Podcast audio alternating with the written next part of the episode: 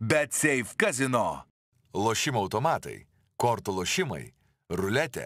Dalyvavimas azartiniuose lošimuose gali sukelti priklausomybę.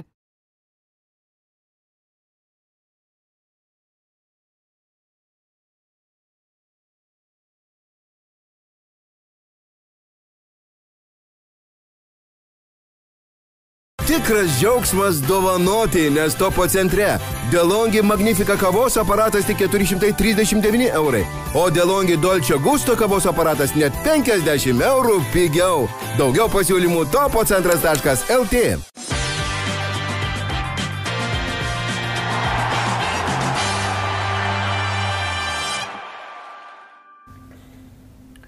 Sveiki, futbolo gerbėjai, su jumis kaip ir kiekvieną pasaulio čempionato rytą speciali šiam renginiui skirta laida. Tautas Ancevičius ir Ernas Kutkauskas žinome jau abu finalo dalyvius, žinome, kas susitiks rungtynėse dėl trečiosios vietos Prancūzija garantavo savo bilietą į finalą, žais finale antrą čempionatą iš eilės, tikrai įspūdingas pasiekimas, kalbėsim tikrai apie tuos įvairiausius rekordus, apie įvairiausius pasiekimus, kurių Prancūzijos komanda turi tikrai nemažai ir matome, kad na, pastaraisiais pastarąjį dešimtmetį turbūt galima sakyti, o galbūt net ir pastaraisiais dešimtmečiais turbūt, jeigu pradėsimėm tą erą skaičiuoti nuo kokių 98 metų, kai jie tapo pirmą kartą pasaulio čempionais, e, tai na, turbūt e, tai yra viena iš labiausiai dominuojančių šalių pasaulio futbole, nors atsimenam, kad na, Pasaulio čempionatas startavo dar 1930-aisiais, bet pirmą kartą prancūzai tik tai po 70 metų sugebėjo laimėti ir anksčiau kai kuriuose čempionatuose jie net nebūdavo priskiriami ten prie labai ryškių favoritų.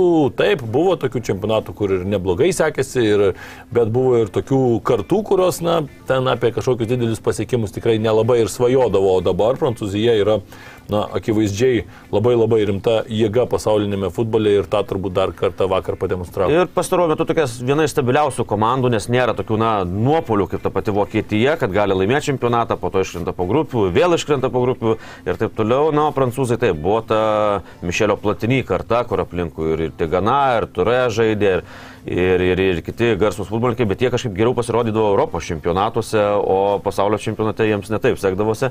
O dabar tikrai tokia atėjo karta ir ilgalaikė ta karta, kur na, toks stabilus rezultatai ir man atrodo vis dėlto reikia nusilenkti ir didėdė Šamui, kuris treneris nuo 2012, jeigu neklystų metų, vadovauja rinktinį jau 10 metų.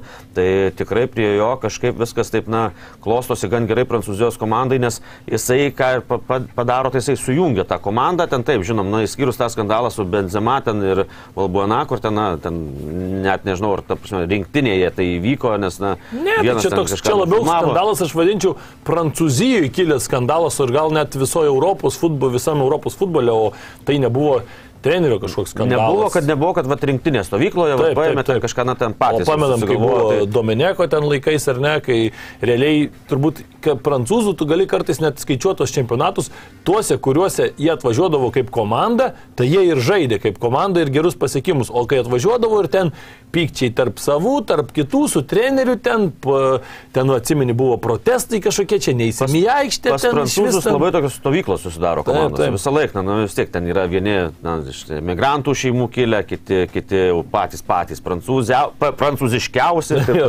ten tai tikrai būdavo tokių, na, išskyrus gal, kai e, Blanas pabučiuodavo Bartezų į kaktą. Tai tada irgi buvo ta gera tokia atmosfera, na, tai e, gera chemija ir baigėsi, baigėsi, baigėsi pasaulio taurės laimėjimu. Tai dabar vėl viskas taip yra gerai, jokių skandalų, jokio nėra, matom, visi susikaupė, visi na, dėl to vieno tikslo. Ten Bapė nebendrauja su žiniasklaida, nes susikoncentravęs futbolui.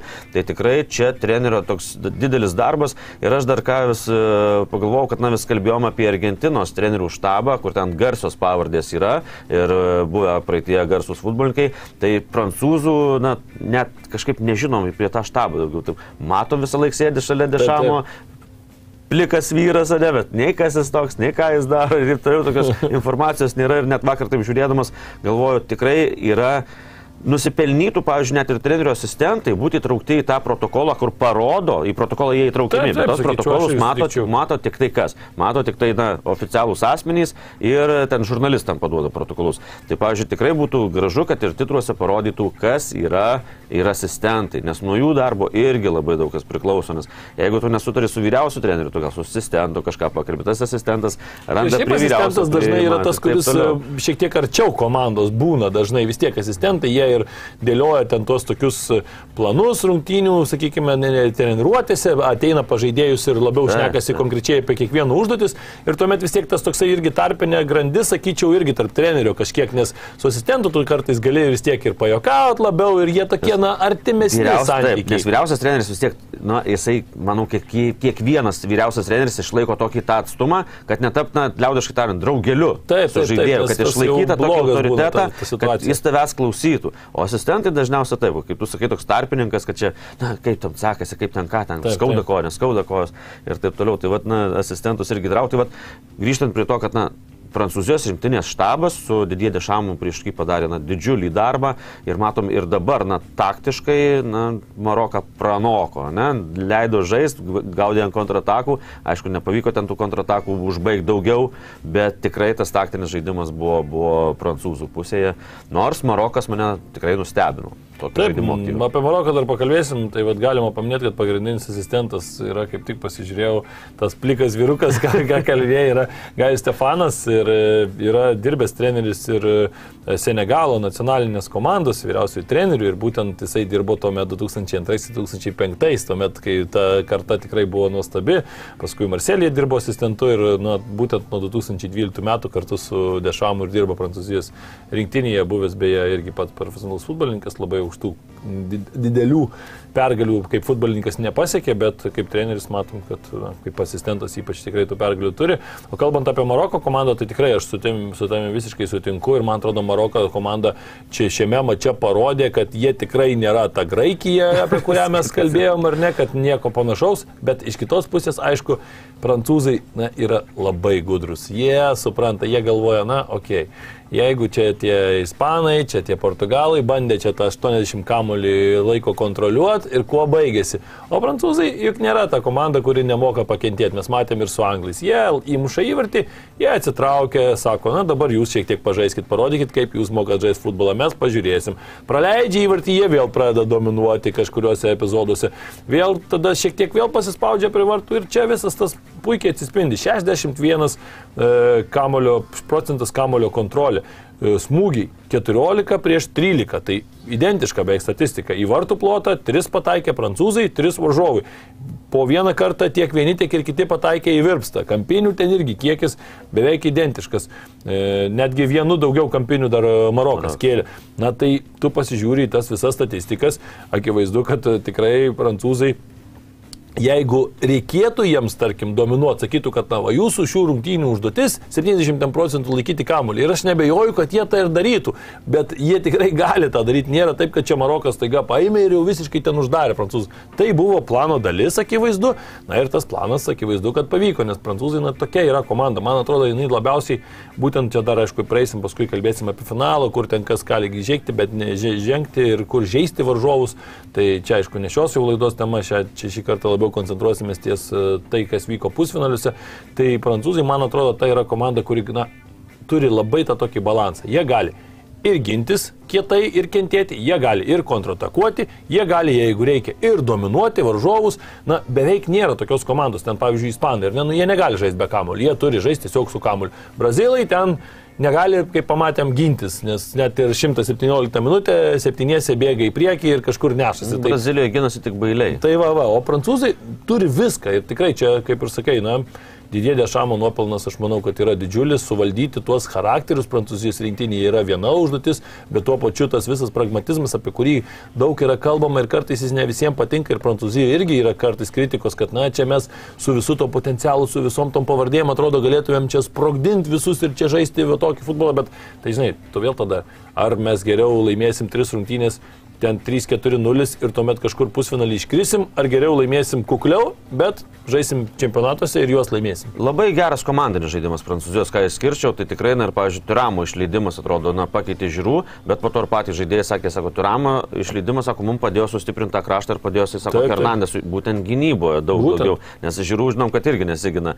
Ten e, taip, kaip Tai ir, norėtųsi. ir, ir žiūrų, bet ten labiau problema gal buvo, kad Mbappé ir matai, kaip visiškai atakavo dešinį kraštą dėl to, kad supranta puikiai. Puikiai mato taktinės schemas, na, Mbappé ką daro. Šiuose rungtynėse tai jau kažkiek leidosi, bet iš esmės tai jis tame kairiajame krašte, jis ten ilsisi ir laukia, kol jam duos šansų, nes jo pagrindinė jėga yra ten. Tai Mbappé įmetė į priekį, sako, tu ten priekį tą ir daryk ir stovėko tą į kraštą ir tada visiškai pasikeitė žaidimas. Ir, ir kitas dalykas, ką, ką Dešamas jis reikalauja, visi turi savo užduotis, ne? Ir e, Amrabatas, ką pasakė po rungtynių, sako, sako žiūrų, sako, visą laiką sekiojo paskui mane.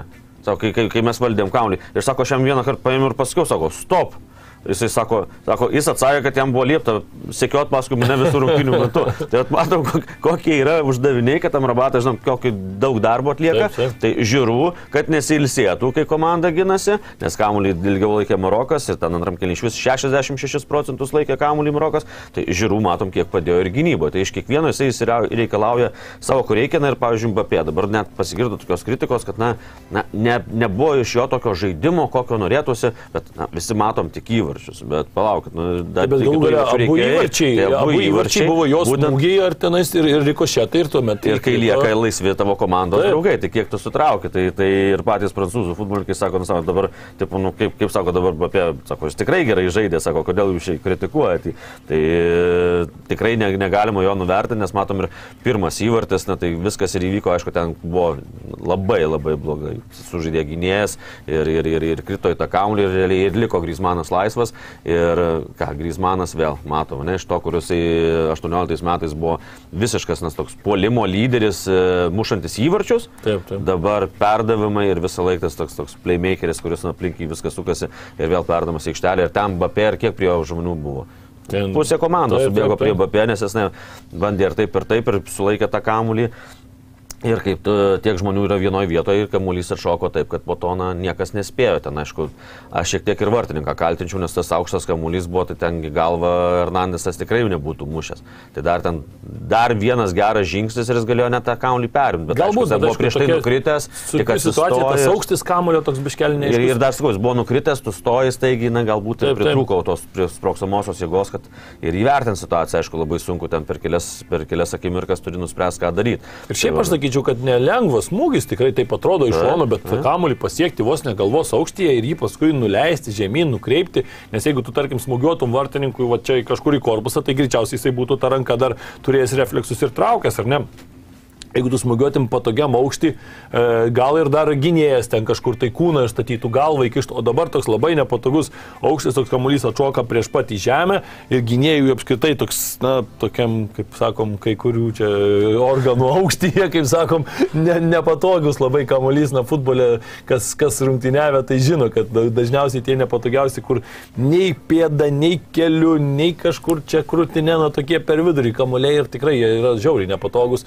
Ir tos akivaizdu, kad na, nulėmė tą įvartį, bet tikrai Teo Hernandesą reikia pagirti šioje situacijoje. Labai nelengva buvo, kai, kai kas žiūri per ekraną ir taip atrodo, tai čia atstumas jau nedidelis, čia jau ten niekas nebedengia ir atrodo, čia ne, nebuvo vos ne eilinis kažkoks tai smūgelis ir čia nieko nereikėjo jau veikti tam žaidėjui, bet tikrai ne.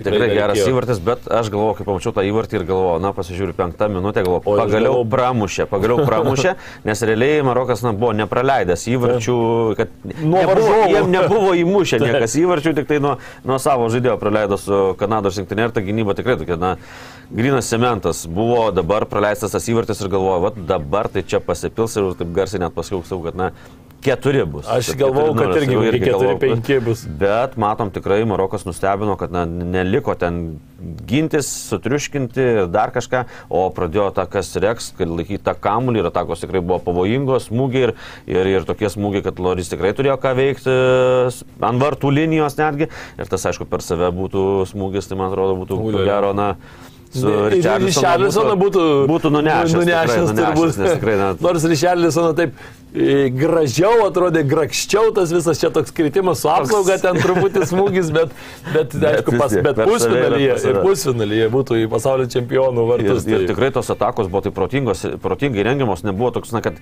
ilgi perdamai, nemėtomi, o taip, taip, ne. per trumpais perdamais išeinama per, per greitus žaidėjus ir tikrai prancūzai, na, turėjo ką veikti, nors atrodė, kad po to įvarčio, kai jau pramušė mušė tą gynybą, tai vis dėlto žinom, kad na, tai afrikiečiai su savo charakteriais gali nuleisti galvas ir, ir galvoti, kad viskas jau baigta. Ne, nieko panašaus. Jie atakavo, jie kontroliavo kaunį ir kūrė pavojingas progas. Tai vad pagal progas, tai matom, kad na, apylygų žaidimas tikrai buvo, o pagal kamulio kontrolę, tai jie na, dvigubai daugiau laikė negu, ne, negu prancūzai. Bet prancūzai vėlgi reikia pagirti už tą protingą žaidimą ir matom, atsitraukia iki centro linijos, pasitinka, savo ramiai, ne, nepanikuoja ten ir taip toliau. Ir, na, ir antras įvartas, tai ten viską jau ir sprendė, kad jau 2-0, tai matėsi, kad jau viskas, viskas jau aišku, bet, bet, bet po pirmo įvarčio tai tikrai, kas lygino su graikais Maroko rinktinė, kur 2004 laimėjo graikai ten, na, nežinau, vienintelis Haristėjas ten kažką bandydavo daryti, tai muždavo link jo ir, ir, ir, ir tiek žinių. O dabar tai Marokas tikrai, tikrai paneigė visas tas prognozes, kad jie kaip graikai žaidžia ir kad, čia, na,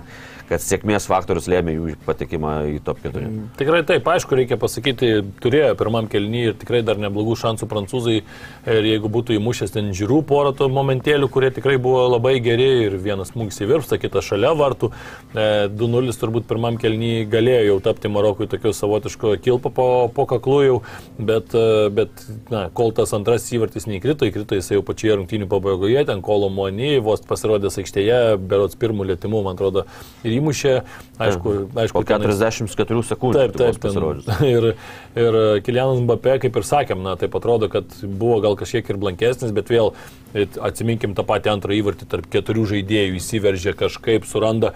Ir man iš karto kilo vaizdinys, Prieš tai buvo marokiečių ataka, kur irgi Hamdala, man atrodo, pasirodęs po kitimo pulės, įbėgo į aikštelę, bėgo, bėgo, bėgo, jau, jau atrodo, jau laukia, kada, kada muš, kada, kada ir taip ir nėra, ir nėra, ir nėra, ir nėra, ir praleidžia tą momentą gal kokius tris kartus smūgių, paskui apsisuka kažkur atgal sužaidžia ir taip to smūgių ir nėra. O Mbappé įsiveržia, tenais atrodo daug sunkesnė situacija, tarp keturių ten šokis toksai. Ir vis tiek kažkokį tą smūgį atlieka, jisai rikošėtas ir tam kolomonį jau belieka ten tiesiog e, į tušius vartus iš esmės įmušti. Turbūt vienas lengvesnių karjeros įvarčių dar pagalvos, kad pirmas karjeros įvartis. Taip, taip, taip. Pusfinalėje tai čia tiesiog na, geriau, geriau nebūna, didesnio saldainio turbūt neįmanoma gauti jau. Tai vat, vėl tas, tas va tuo ir skiriasi to lygio žaidėjai, kad na, vieni vis tiek suranda tą smūgio momentą ir kažkas iš jo gaunasi, o kiti ai, kažką tempia, tempia, tempia ir tas na, lygių skirtumas vis tiek jisai matosi tam tikrose epizoduose, aišku, labai gerai dar Marokui, kad galėjo žaisti na, ir Saisas, ir galėjo žaisti ir Mazruai, kuris tikrai na, svarbu žaidėjai ir matėm, kad ir taktinę schemą pakeitė, jau adaptavosi, žaidė trimis vidurio gynėjais, kur nežaisdavo taip, bet na, suprato, aišku, su kuo žaidžia, suprato, kad reikės, reikės tų gynybinių pajėgų, nors paskui mes matėm, kad tie patys Mazruai, tiek Hakimija labai aukštai ir kildavo, tai čia irgi ir tu tuos savo kažkiek ir tuos žaidėjus išlaisvinį jie gali ir kūryboje duoti, kurie tau tikrai yra vieni iš tokių kūrybingiausių, ten matėme dešiniajam krašte Ziešas su Hakimi tikrai kūrė na, labai daug gerų atakų, aišku, pati pabaiga rungtynių rungtynių vėl mes tą akivaizdžiai galėjom pamatyti, kad na, Ziešas e, šiame čempionate yra 70, maksimum 75 minučių žaidėjas, nes paskui sėda, labai... Sėda, ir, bet, bet daug kas, daug kas iš Maroko rinktinės jie sėda, visą laiką ir už tai tiek ir darydavo treneris keitimų, nes na, gintis reikia daug jėgų atiduoti vis tiek, na, visai kitaip, kai tu pas laikai kaunį. Dabar jie laikia kaunį. Bet... Vis tiek nežaidžia ten čempionų lygose, kažkur tai nežaidžia to aukščiausio tempo rungtynių pastoviai na, ir jiems sunkiau vis tiek. Yra. Ir, ir tikrai, tikrai sutinku su tuo, kad na, taip, apie 70 minučių visai kitas tempas, negu po to likusios ten 20 kelios minutės iki rungtynių pabaigos.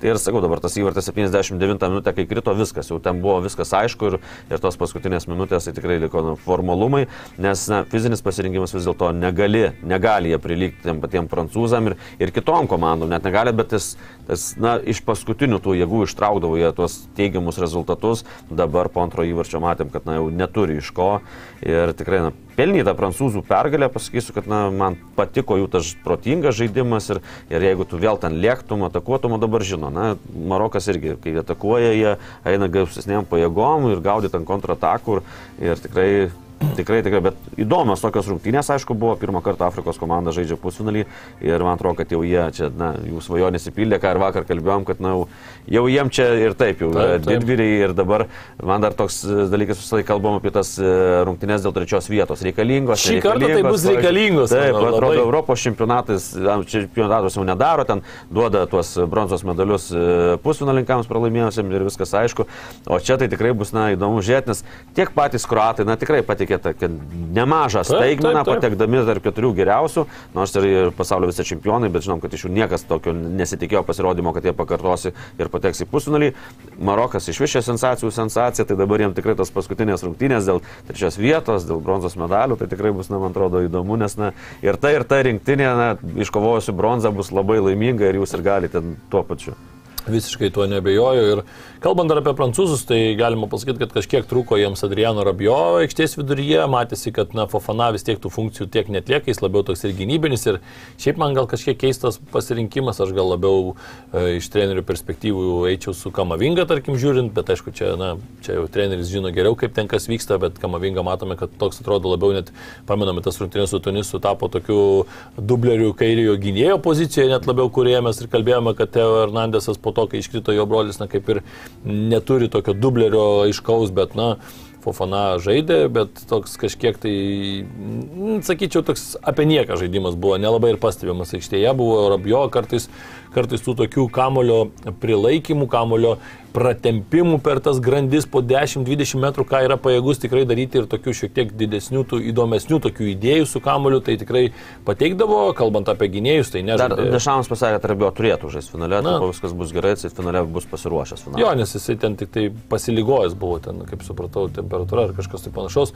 Uh, Upamekano irgi nežaidė šiame mače, bet, na, Ibrahima Konate tai tikrai puikiai pakeitė, gerą mačą sužaidė ir statistiškai viskas ten atrodo tikrai labai gražiai ir čia problemos mes jau nėra. E, nėra, mes jau akcentavom tai ir e, praėjusioje laidoje, kad na, tų vidurio gynėjų tai jau ko ko, bet prancūzai tikrai turi ir yra ką pakeisti, yra kuo pakeisti.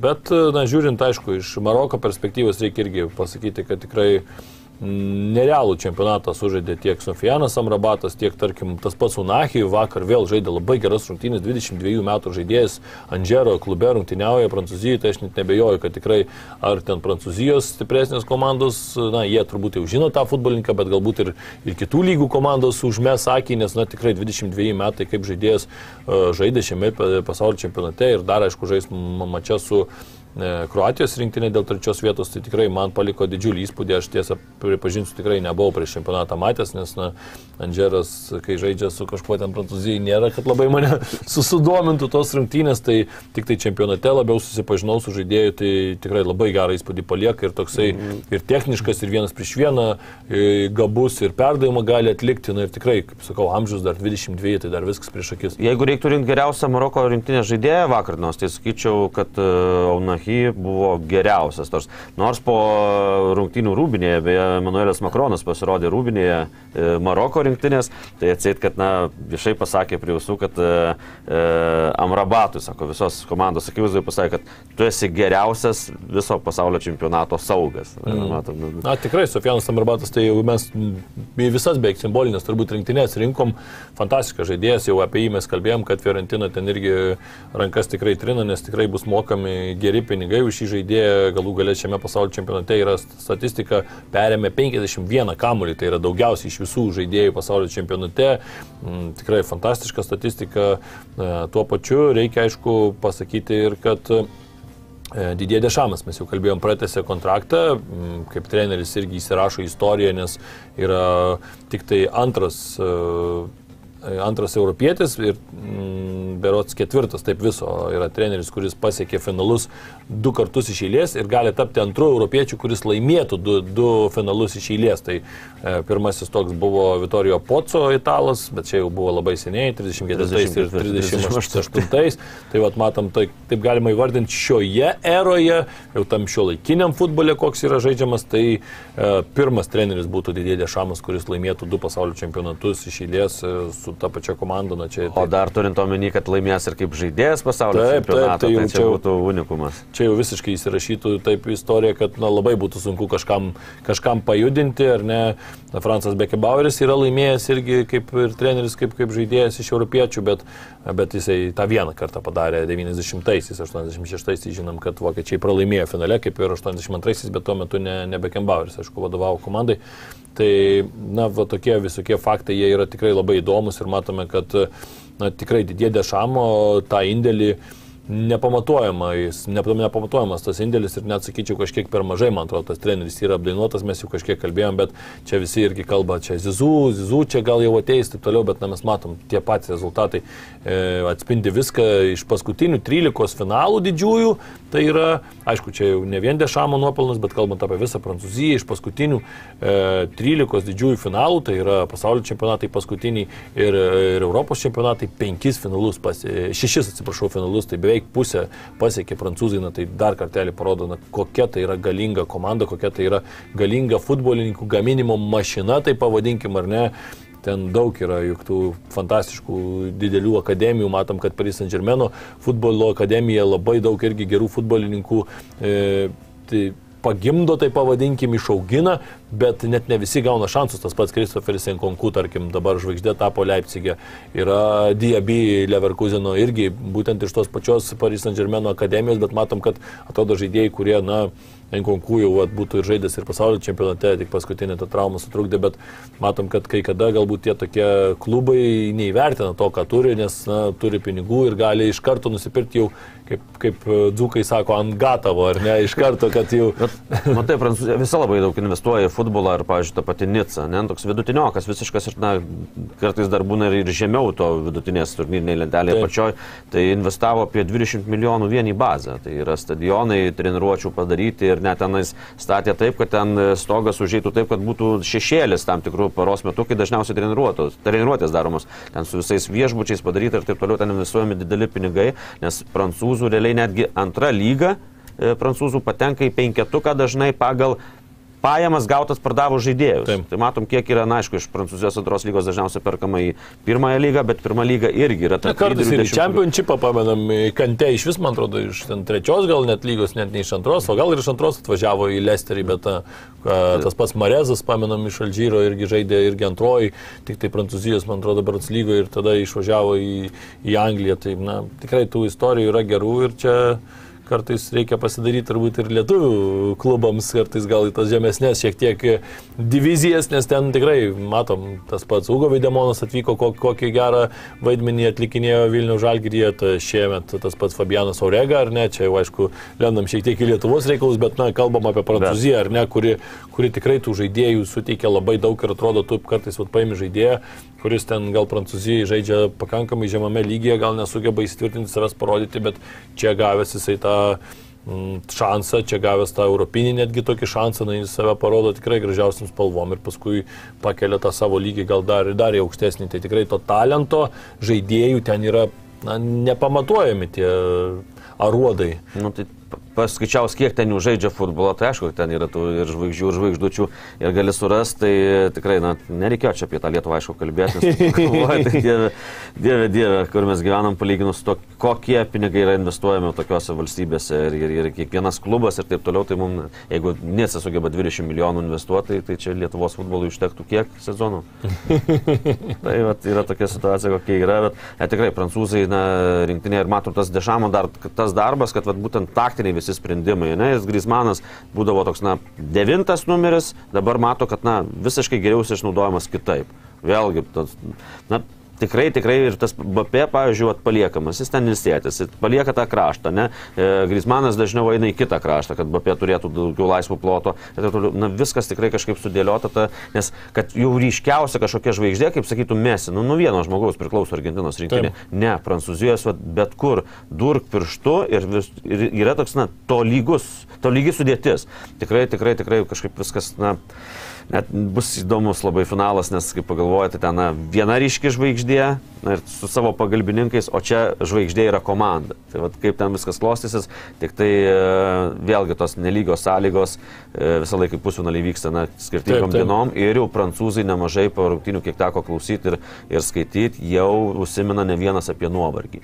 Bet sako, na, jau, jau nuovargis jaučiasi, sako, čempionato pabaiga, tai vis dėlto Argentina turėjo vieną dieną papildomą poilsio. Tai šioje stadijoje, kai pasaulio čempionato pusfinaliai finalai, tai yra, man atrodo, labai svarbu. Tai va, Argentina bus šioje vietoje yra geresnėje situacijoje, kadangi na, tas poilsis yra reikalingas. Faktas, bet aišku, šiaip kaip pagalvoju, na vis tiek yra ketvirtadienis, penktadienis, šeštadienis ir dar sekmadienį vakare, tai na, to laiko yra iš esmės keturios paros tarp, tarp rungtynių, tai tai nėra tas, kas būtų kažkaip nematyta ir negirdėta prancūzijos rinktinės futbolininkams, jeigu pažiūrėsim jų sąrašą ar ne, na, tai ten visi žaidėjai, beveik visi žaidžia čempionų lygose arba kažkokiuose kitose europinėse turnyruose ir ar ten taurėse dar ir, na, yra įpratę tikrai žaisti kas tris dienas, kartais per savaitę sužaisti ir keturis mačius, kartais žaidžia ten sekmadienį, tuomet va, trečiadienį, panašiai. Čia ir čia viskas vyksta, ar ne, žaidė ketvirtfinalį, tuomet vidury savaitės E, pusfinalis ir tuomet finalas, aišku, pasaulio čempionatas na, yra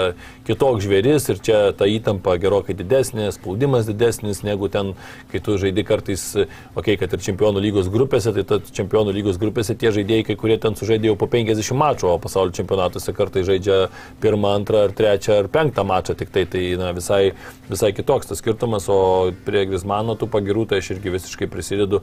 Žaidėjas vakar, tai apskritai atrodė, kad na, jo yra visur ir ginantis, jisai ten baudos aikštelėje atsiduria paskutiniu, tampa žaidėjų, kuris apsigina nuo varžovų ir galva dvikovas ten laimi ir ore numeta kamuolius kaip, ir, kaip tas polėjas, ant kurio mestum aukštą kamuolį. Na tikrai ta kūryba visa ir ne veltui pasižiūrėjau net ir statistiką, Grismanas yra, e, jeigu matuotum per 90 minučių, na, tai toks vidurkis reiškia įmant, tai yra daugiausiai šiame pasaulio čempionate pagal XG asistuojantis yra, mes kalbam apie tą XG, kur na, smūgiai būna, kai komandos kiek sukuria per rungtynės yra ir na, ta statistika, kur XG tikimybė e, tavo rezultatyvaus perdamo. Tai reiškia, kiek tu atlieki būtent perdavimų, po kurių vyksta smūgiai ir po kurių vyksta tam tikras na, pavojus prie varžovo vartų. Tai Grismanas pagal šią kategoriją yra, e, netgi sakyčiau, pagal taip ten žiūri kiti žaidėjai tarp ten ketvirto, penkto, ten skiriasi ten 0,2, 0,3 tom dalelytėm ar ne šimtųjų, tai Grismanas lenkia ten 0,15 uh, e, artimiausią varžovą. Tai nereiškia, kad yra visiškas lyderis pagal šį e, komponentą, nors nepaisant to, kad tų asistų, tokių tikrų asistų ir nėra daug, bet Usmanas Dembelė irgi pagal šią statistiką yra pakankamai aukštai čempionate, ten trečias ar ketvirtas, dabar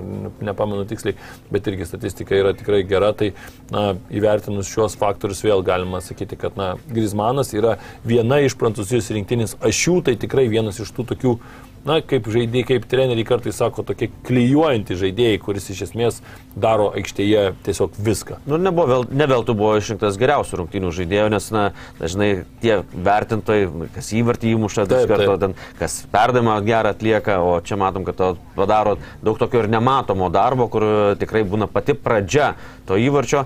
Na ir dar kas krito akis, na, kalbėjom ir praėjusioje laidoje, kai kalbėjom apie šias rungtynės, jau kaip anonsuodami, kad prancūzai, na, visą laiką praleidžia įvartį, kad iš paskutinių 11 rungtynių tik vienose nepraleido ir visą laiką pasaulio čempionate visą laiką praleido. Dabar, na, išsaugo savo vartus sausus, ko nepavyko padaryti Maroko rinktiniai, kurie, na, nepraleisdavo nuo, nuo varžovų, o dabar tikrai praleido įvartį ir, ir, ir sakau, prancūzai tikrai sužaidė labai protingas rungtynes. Kitaip, kitaip nepavadinsi ir, ir kiek, iš kiekvieno žaidėjo buvo paimta tas, kas geriausia. Taip, turėjo progų Marokas, bet jų nerealizavo ir prancūzai tikrai pelnytai nugalėjo ir man atrodo, kad jei dėl Argentinos dar kalbam čia ar, ar, ar pelnytai ir nepelnytai, čia nuo Saudo Arabijos pralaimėjo, tai prancūzai visą tą čempionatą taip labai stabiliai eina, žaidžia užtikrintas pergalės iškovojo su anglais, buvo sunkiausia, bet, na, anglai irgi gera rinktinė buvo viena iš tokių pagrindinių favoritų ir, ir tas neįmuštas baudinys užkirto kelią, bet visą laiką kažkaip pradėjo ir taip užtikrintai jie žaidžia, skyrus, aišku, trečią turą, kai ten niekas nelėmė, tai išleido ten antrą sudėtį praktiškai. E, taip, e, trumpa per trukėlį dabar pas mus e, reikia sakant, reklamą jums pažiūrėti, o mums reikia padėkoti remėjams, bet Seifui, Kalsbergui, Topo centrui, kuris, kaip ir minėjom vakar, taip ir šiandien dar kartą pasikartosim, kad tikrai turi labai labai gerų įvairiausių kalėdinių pasiūlymų, taigi prieš šventę suskupkite dar turit laiko artimiesiems nupirkti dovanų ir jų galite ieškoti Topo centre, o dabar trumpa reklama ir netrukus sugrįšime. Bet Safe Casino. Lošimo automatai, kortų lošimai, ruletė Dalyvavimas azartiniuose lošimuose gali sukelti priklausomybę.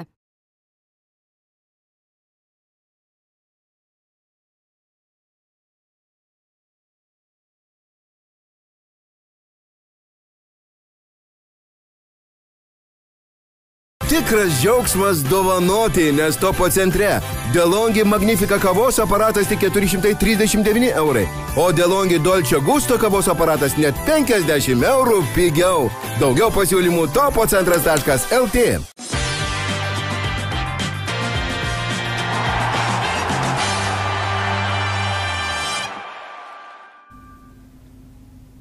Taigi tęsime laidą, šiek tiek pakalbėsime, kas apskritai vyksta aplink pasaulio čempionatą ir ne, ne tik aplink jį, bet apskritai futbole. Viena iš tokių karščiausių naujienų, kad prancūzams pasaulio futbolo čempionato finale gali padėti ir Karimas Benzema. Ten kalbama, kad Madrido Realas irgi davė žalę šviesą, kad futbolininkas, na, jeigu jaučiasi gerai, ten medikai apžiūri, ab, jeigu apžiūri viskas ir tvarko yra, viskas ten kaip sakant, yra e, su tuo futbolininku gerai ir kažkokių sveikatos problemų jisai nejaučia, tai jisai gali žaisti. Aišku, čia dabar na, toks turbūt dviejopas jausmas, kad e, startiniai sudėti jo nebus, tai čia galima tuo nebejoti. Ar sužais jisai kažkiek tų minučių irgi klaustukas, čia na, toks momentas šiek tiek įdomus, bet aišku, prancūzai nuo pat pradžios reikia pasakyti, kad galėjo kaip ir Benzema ištrinti iš sąrašo ir dar turėjo galimybę pasikviesti vieną papildomą, bet jie to nepadarė, nes na, kaip ir laikė tą vietą, kad jeigu kažkada, jeigu ten atsigaus ir na, galbūt ir iš pagarbos Karimui, kuris na, važiavo į tą čempionatą vis tiek kaip geriausias pasaulio futbolininkas e, praėjusiais metais. Na, vien pabūti su komanda finale tai yra na, neįtikėtinas jausmas ir žinom jo istoriją, kad jis buvo na, iš prancūzijos rinktinės išmestas penkerius metus, jeigu neklystu, kad jisai ne, ne, negalėjo joje žaisti dėl tų visų skandalų, tai, tai tikrai dabar atvykti į pasaulio čempionatą. Ar jis gautų žaisti, aš labai abejoju irgi dabar, nes ir, ir kitiem, kaip, e, kaip kitiem komandos draugams žiūrėti, kai tu na, nebuvai čempionate, visi nori išeiti į aikštę, visi nori po keitimo pasirodyti bent keliom minutėm, kad pabūtų aikštėje ir ypač finale.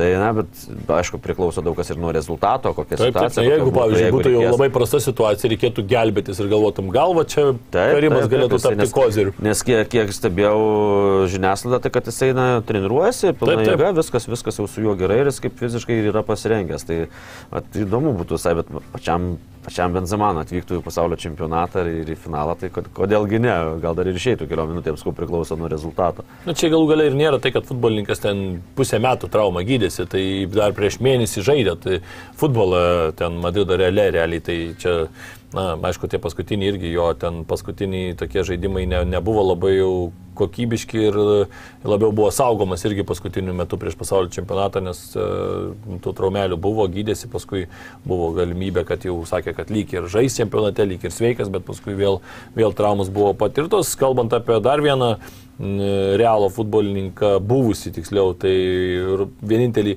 šiame pasaulio čempionate žaidusi be klubo žaidėją, tai yra Ronaldo, tai irgi pareiškimai atėjo, kad uh, treniruojasi kartu su Madrido Realu, kad paskambino Florentino Peresui, ar ten na, kažkam iš Madrido Realo, bet Florentino Peresas davė leidimą treniruoti, sakė, kad uh, Realas visą laiką bus tavo namais, bet na, visi iškart pradėjo kalbėti, kad čia jau gal, gal kažkokie tai pasiūlymai bus ir panašiai. Tai, na, kol kas e, kalbama tik tai apie tai, kad tiesiog leidžiama treniruotis, kol, kol Ronaldo ieškosi naujo klubo. Bet, na, aišku, istorijoje buvo visko. Paminam, kad ir Arsenalė ten būdavo atvažiuoja tie Rienry ar ten Fabregas ir dar kažkas ten pasitreniruoti ir paskui. Šemelas ar užsilieka. Lieka šiek tiek ilgiau pa, pa, pasibūti, tai visko gali būti, bet, na, Matysim pagal situaciją, kalbant apie Manchester United. Bet dar apie Ronaldo, tai ir po šitos treniruotės, tai pasirodė na, pranešimai, kad jau jisai kategoriškai atmestas Saudo Arabijos pasiūlymas. Na, ne, nežinau, tikriausiai gal dar jis nori pažaisti. Aš irgi manau, kad čia yra dar jo ta tokia, na, ir jisai dar kalbėjo apie tai, kad jisai nori dar žaisti ir Europos čempionate kitame, kuris vyks už kiek, už pusantrų metų, ar ne.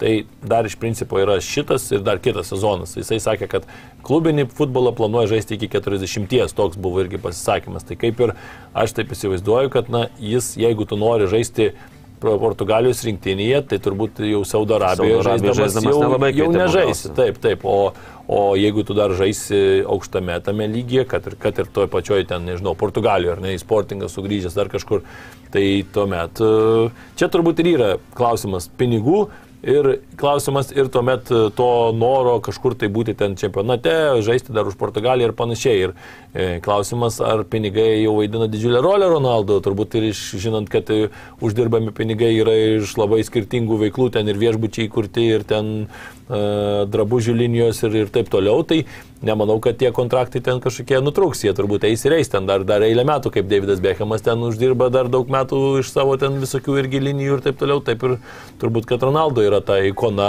aplink kurį sunkasi ne tik futbolo pasaulyje. Čia mums atrodo, ten 200 milijonų, tai atrodo kosmosas, taip, kosminis taip. E, kontraktas, bet man atrodo, jis dar, daugiau turi ir, ir ten tikrai ne pinigai lemia, jeigu jis nori žaisti, nes žinom, jo charakteris visą laiką siekdavo to, kad jis aikštėje būtų geriausias ir tie pinigai, nemanau, kad lemia vaidmenį, bet sakau, kažkaip, na, jau vienu metu lygtais buvo informacija, kad jisai jau sutiko žaisti, dabar man, kad kategoriškai atmetė Saudo Arabijos pasiūlymą. Taip, na ir dar irgi apie žaidėjus, tai tokios naujausios irgi žinios, kad Manchester United pradėjo domėtis būtent Gonzalo Ramošo situaciją ir galbūt pasimti žaidėją iš Benficos. Atsiminame tą mačą, kur sužibėjo tikrai Ramošas. Kitas mačas su Maroku nebuvo toksai geras, tikrai, bet na, šiaip polėjas tikrai kokybiškas žaidėjas ir jau šį sezoną čempionų lygoje ir mušęs įvarčių ir, ir Portugalijoje ir 21 metai. Na, ir žinom, kad e, Manchester United tokio tikro polėjo dabar kaip ir na, neturi tokio tikro devinto numerio, o Gonzalo Ramošas būtent yra į tą poziciją. Tai na, galbūt ir opcija būtų jiems visai susižvėjoti kažką tai panašaus ir tokio na, tikrai jauno, talentingą žaidėją. Ir, gal, ir simbolika turbūt būtų ta, kad ta, ta žmogus, kuris keitė pasaulio čempionate Ronaldo, pakeistų ir Manchester United klube, čia taip susidėliotų įdomiai pakankamai. Na, gal ir pakeis. E, Lionelio Meso man įstrigo interviu žiniasklaidai, kai jisai pasakė, jo, paklau, jo paklausė apie tuos rekordus, mes matom, kiek jisai pagerino tų rekordų ir kiek jisai dar gali pagerinti likusiose rungtynėse. Ir jisai iš karto nutraukė apie tai kalbą, sakė, na, visi rekordai yra, sako, gražu, bet, sako, svarbiausia tai yra komandinis, komandinė pergalė. Komandas, sako, mes dabar labai jau netoli nuo to ir, sako, esame per žingsnį, kad tą įgyvendinti. Va čia, sako, yra svarbiausia. O visi tie rekordai, tai jie tik lieka rekordais, bet kai tu turi rankų rankose pasaulio taurę, tai čia būtų, na, kažkas neįsivaizduoja. Tokioj karjeroje baigti su laimėta pasaulio taurė, tai čia yra, na, vainikuotų viską. O taip, čia būtų tikrai toksai višnaitė ant torto, ta tiesioginė to žodžio prasme. Keliaukime į paskutinės mūsų rubrikas, bet Safe dienos herojus. Šį kartą aš savo rub, šioje rubrikoje savo herojus titulą paskirsiu didėdė Šamui, kaip ir jau kalbėjom prieš tai, kad na, tai yra žmogus, kuris kuris atvedė Prancūziją į tokias aukštumas ir, na, kaip ir sakom, kad vat, kartais atrodo tenais treneris dirba, rezultatai yra, bet vis tiek visi ten knapsto kažkur, tai ai čia gal Zidaną reikėtų paskirti, ai čia gal tą, ai čia gal tą, tai na, didėdė Dešamas visiems tiems kritikams eilinį kartą įrodinėja, kad net ir atrodo, Kantė nėra, Pogba iškrito, e, tas pats Benzema ar neiškrito geriausias pasaulio futbolininkas, Varanas irgi čia prieš čempionatą neaiškiai sveikata rungtynėse pirmosiai iškrenta Luka Hernandesas, aišku, ta sudėtis yra tokia didžiulė ir tu gali ją, ten ją vis, visai disponuoti ir taip toliau. Tas irgi smarkiai padeda, bet na, treneriui surasti prie, tą prieimą prie kiekvieno ir taip sudėlioti tas komanda, tą komandą irgi kad jinai pasiektų tokį aukštą lygį, du čempionatus iš eilės išlaikyti, kad tu patektum į pasaulio čempionatą, tai na tikrai mūsų kartoje aš tik tai atsimenu būtent Brazilus, kai, kai 94-ieji, 98-ieji, 2002-ieji buvo, kai jie tris kartus iš eilės keliavo, tavo kartos buvo vokiečiai, ar ne, kurie tris finalus irgi iš eilės buvo pasiekę. Mano kartos, atrodo, čia 20 metų už tave vyresnis. Ne, ne, tas, na, tiesiog tai aš ir kalbu, tai buvo 94, tavo buvo prieš 10 metų, tas skirtumas tai yra labai nedidelis tenais, bet, na, sakykim taip, augime, tu sakėjai apie vienus čempionatus daugiau prisiminė, aš šiek tiek apie kitus, tai va toks ir yra. Taip ir papildom viens kitą. Taip papildom, e, bet žinai, ko aš užsijokiau, kai pasakai, kad šiaip herojus didėdė dešamas? Nes irgi nu, norėjai. nu, tai reiškia, va, va tai vien vienodai, vienodai mas kažkaip. Iš tikrųjų, tas yra, na, kai ir sakom, na, atrodo, didėdė dešamas toks net neįvertintas galbūt ir taip toliau. Nes jisai, pažiūrėk, jisai toks, na, tyli tokia pelytė, ten nėra skandalų, nėra, jo, nėra kad labai ten kažkokių charizmatiškai ten labai taip, ten kažką ateina, tai dirba savo darbą ir spaudos konferencijose, kaip, kaip ir aikštėje, taip gyvenime. Kaip aikštėje, taip ir gyvenime. Tai iš tikrųjų toks, na, atrodo nematomas, bet matom jo darbą, kas yra aikštėje, kai futbolininkai žaidžia ir kaip protingai žaidžia. Tai vat, aš ir dėl to, bet vyraus titulą dešamui skiriu, kad nes, reikia ir jį įvertinti, nes tikrai, tikrai, man atrodo, laurų per mažai jam kabinama, nes kai kiti ten charizmatiški, ten treneriai pasiekė, nepasiekė nepasiekė, bet pasivadino save Special One ir viskas. Ir tada visi laksta tam paskui jį, o jis ramiai dirba savo darbą, niekur neįsišoka, bet rezultatai kalba patys su save. Na tai raudona kortelė tada, sakyk, pirmas. Aš tai Maroko idiotams iš karto, tai čia, na, Vėl riaušės visoje Prancūzijoje ir tikrai ten ruošiasi atskirų miestų policijos, tenais tūkstančiais jau policininkų buvo pasitelta, bet nepaisant to vėl riaušės Montpellier žuvo 14 metais paauglys, na, kol kas ta ten tapatybė, kiek žiūrėjau, na, nepatvirtinta, bet kai kur rašo, kad marokietis bandė atimti vėliavą iš prancūzų, iš prancūzijos fanų iš automobilio, tada važiavo tas net nežiūrėdamas vairuotojas ir, ir nutrinkė tą 14 metį paauglį.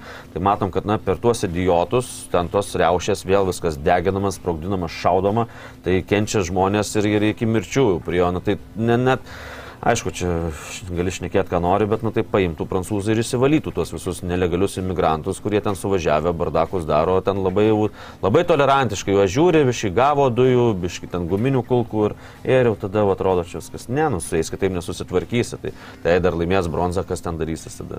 Bet tai man irgi keista, atrodo, jau tu pasiekė tiek, atrodo, čia turėtum džiaugtis, nežinau, matom, kaip džiaugiasi ten Argentinoje, tarkim, žmonės, kur irgi tikrai buvę visko, ir, ir jaušių, ir skandalų, ir taip toliau, bet, bet kažkaip kit, kitokios tos reakcijos yra pergalingos, aišku, bet čia, na irgi, tai ką tu čia dabar jau turi, tai kad ir po pergalių tas pats buvo, ar ten pergalės ar pralaimėjimai, ten atrodo, kad tiesiog kai kuriems žmonės, kai kurie žmonės naudojasi tą dabartinę situaciją, kad kai, kai, kai kas va tokį turi, na, kai kas džiugauja, kai kas to, tokį palaiko atmosferą, o kiti įsivelia į tą chaosą, kad atrodo, kad vos ne, žinai, išgauti savo naudos ten kažkur, tai žinom, kad kartais, kai vyksta įvairios riaušės ir, ir nebūtinai su futbolu susijusios, tai ten yra grupė grupuočių, kurios pasinaudoja tuo ir apšvarina parduotuvės, tuo metu ten pasako, kad, na, čia va, čia buvo mitingai ir taip toliau, nors iš tikrųjų tai ten, kaip sakant, e, sugalvoti dalykai, kurie yra e, daromi pogrindyje, taip kaip pavadinkim, tai aš irgi šiaip turėjau tokią linksmesnę raudoną kortelę, bet uh, neverta čia dabar linksmybę apie linksmybės kalbėti, nes tikrai ir, ir tos, tos žūtis tokios visiškai be, bereikalingos. 170 visiškai... žmonių, skirtingais šaltiniais tai 170 žmonių sulaikyta.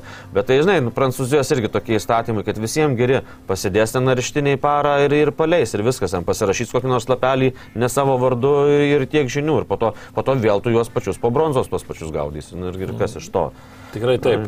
Na tai ir likim su ta raudona kortelė, kaip ir bet Safe dieno, dienos herojaus titulą davėm tą patį, tai likim ir prie tos pačios raudonos kortelės. Na ir ką, rytoj sugrįšime vis tiek, kad ir nebus futbolo, tai mes vis tiek bandysim jūs džiuginti, išrinksim simbolinę vienuolikę, pakalbėsim apie tai, kas vyksta pasaulio čempionate, aplinkui visokią statistiką ir taip toliau panagrinėsime, tikrai jos bus daug ir bus įdomu jau sudėlioti taškus kai kuriuos, nes lieka vos porą mačų, taigi šeštadienį mačas dėl trečiosios vietos, sekmadienį finalas, visą tai aišku irgi kartu su jumis aptarsime, lieka dar keturios šio pasaulio čempionato būtent jam skirtos laidos, lieka du mačai ir aišku vienas iš jų yra svarbiausias, jeigu dėl trečios vietos tai irgi, kaip sakėm, abiem komandom svarbus ir įdomus, bet jisai na, nėra toks toks, kad lemtingas, kad ta, nebus tai, kad tu pralaimėsi tą mačą ir ten po turbūt 20 metų galvosi, oi, kodėl mes ten nelaimėjom tos mačą dėl trečios vietos, o va, jeigu finalą ir ypač jeigu Mesi pralaimės ar ne, prancūzai dar daugelis ten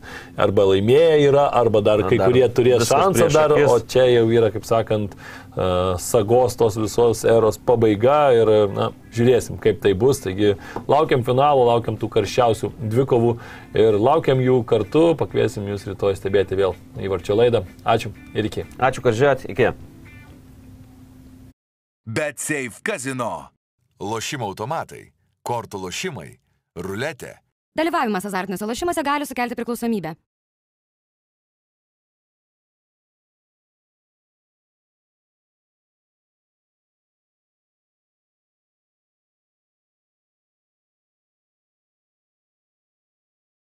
Tikras džiaugsmas dovanoti, nes topo centre. Delongi Magnifica kavos aparatas tik 439 eurai, o Delongi Dolce Gusto kavos aparatas net 50 eurų pigiau. Daugiau pasiūlymų topocentras.lt.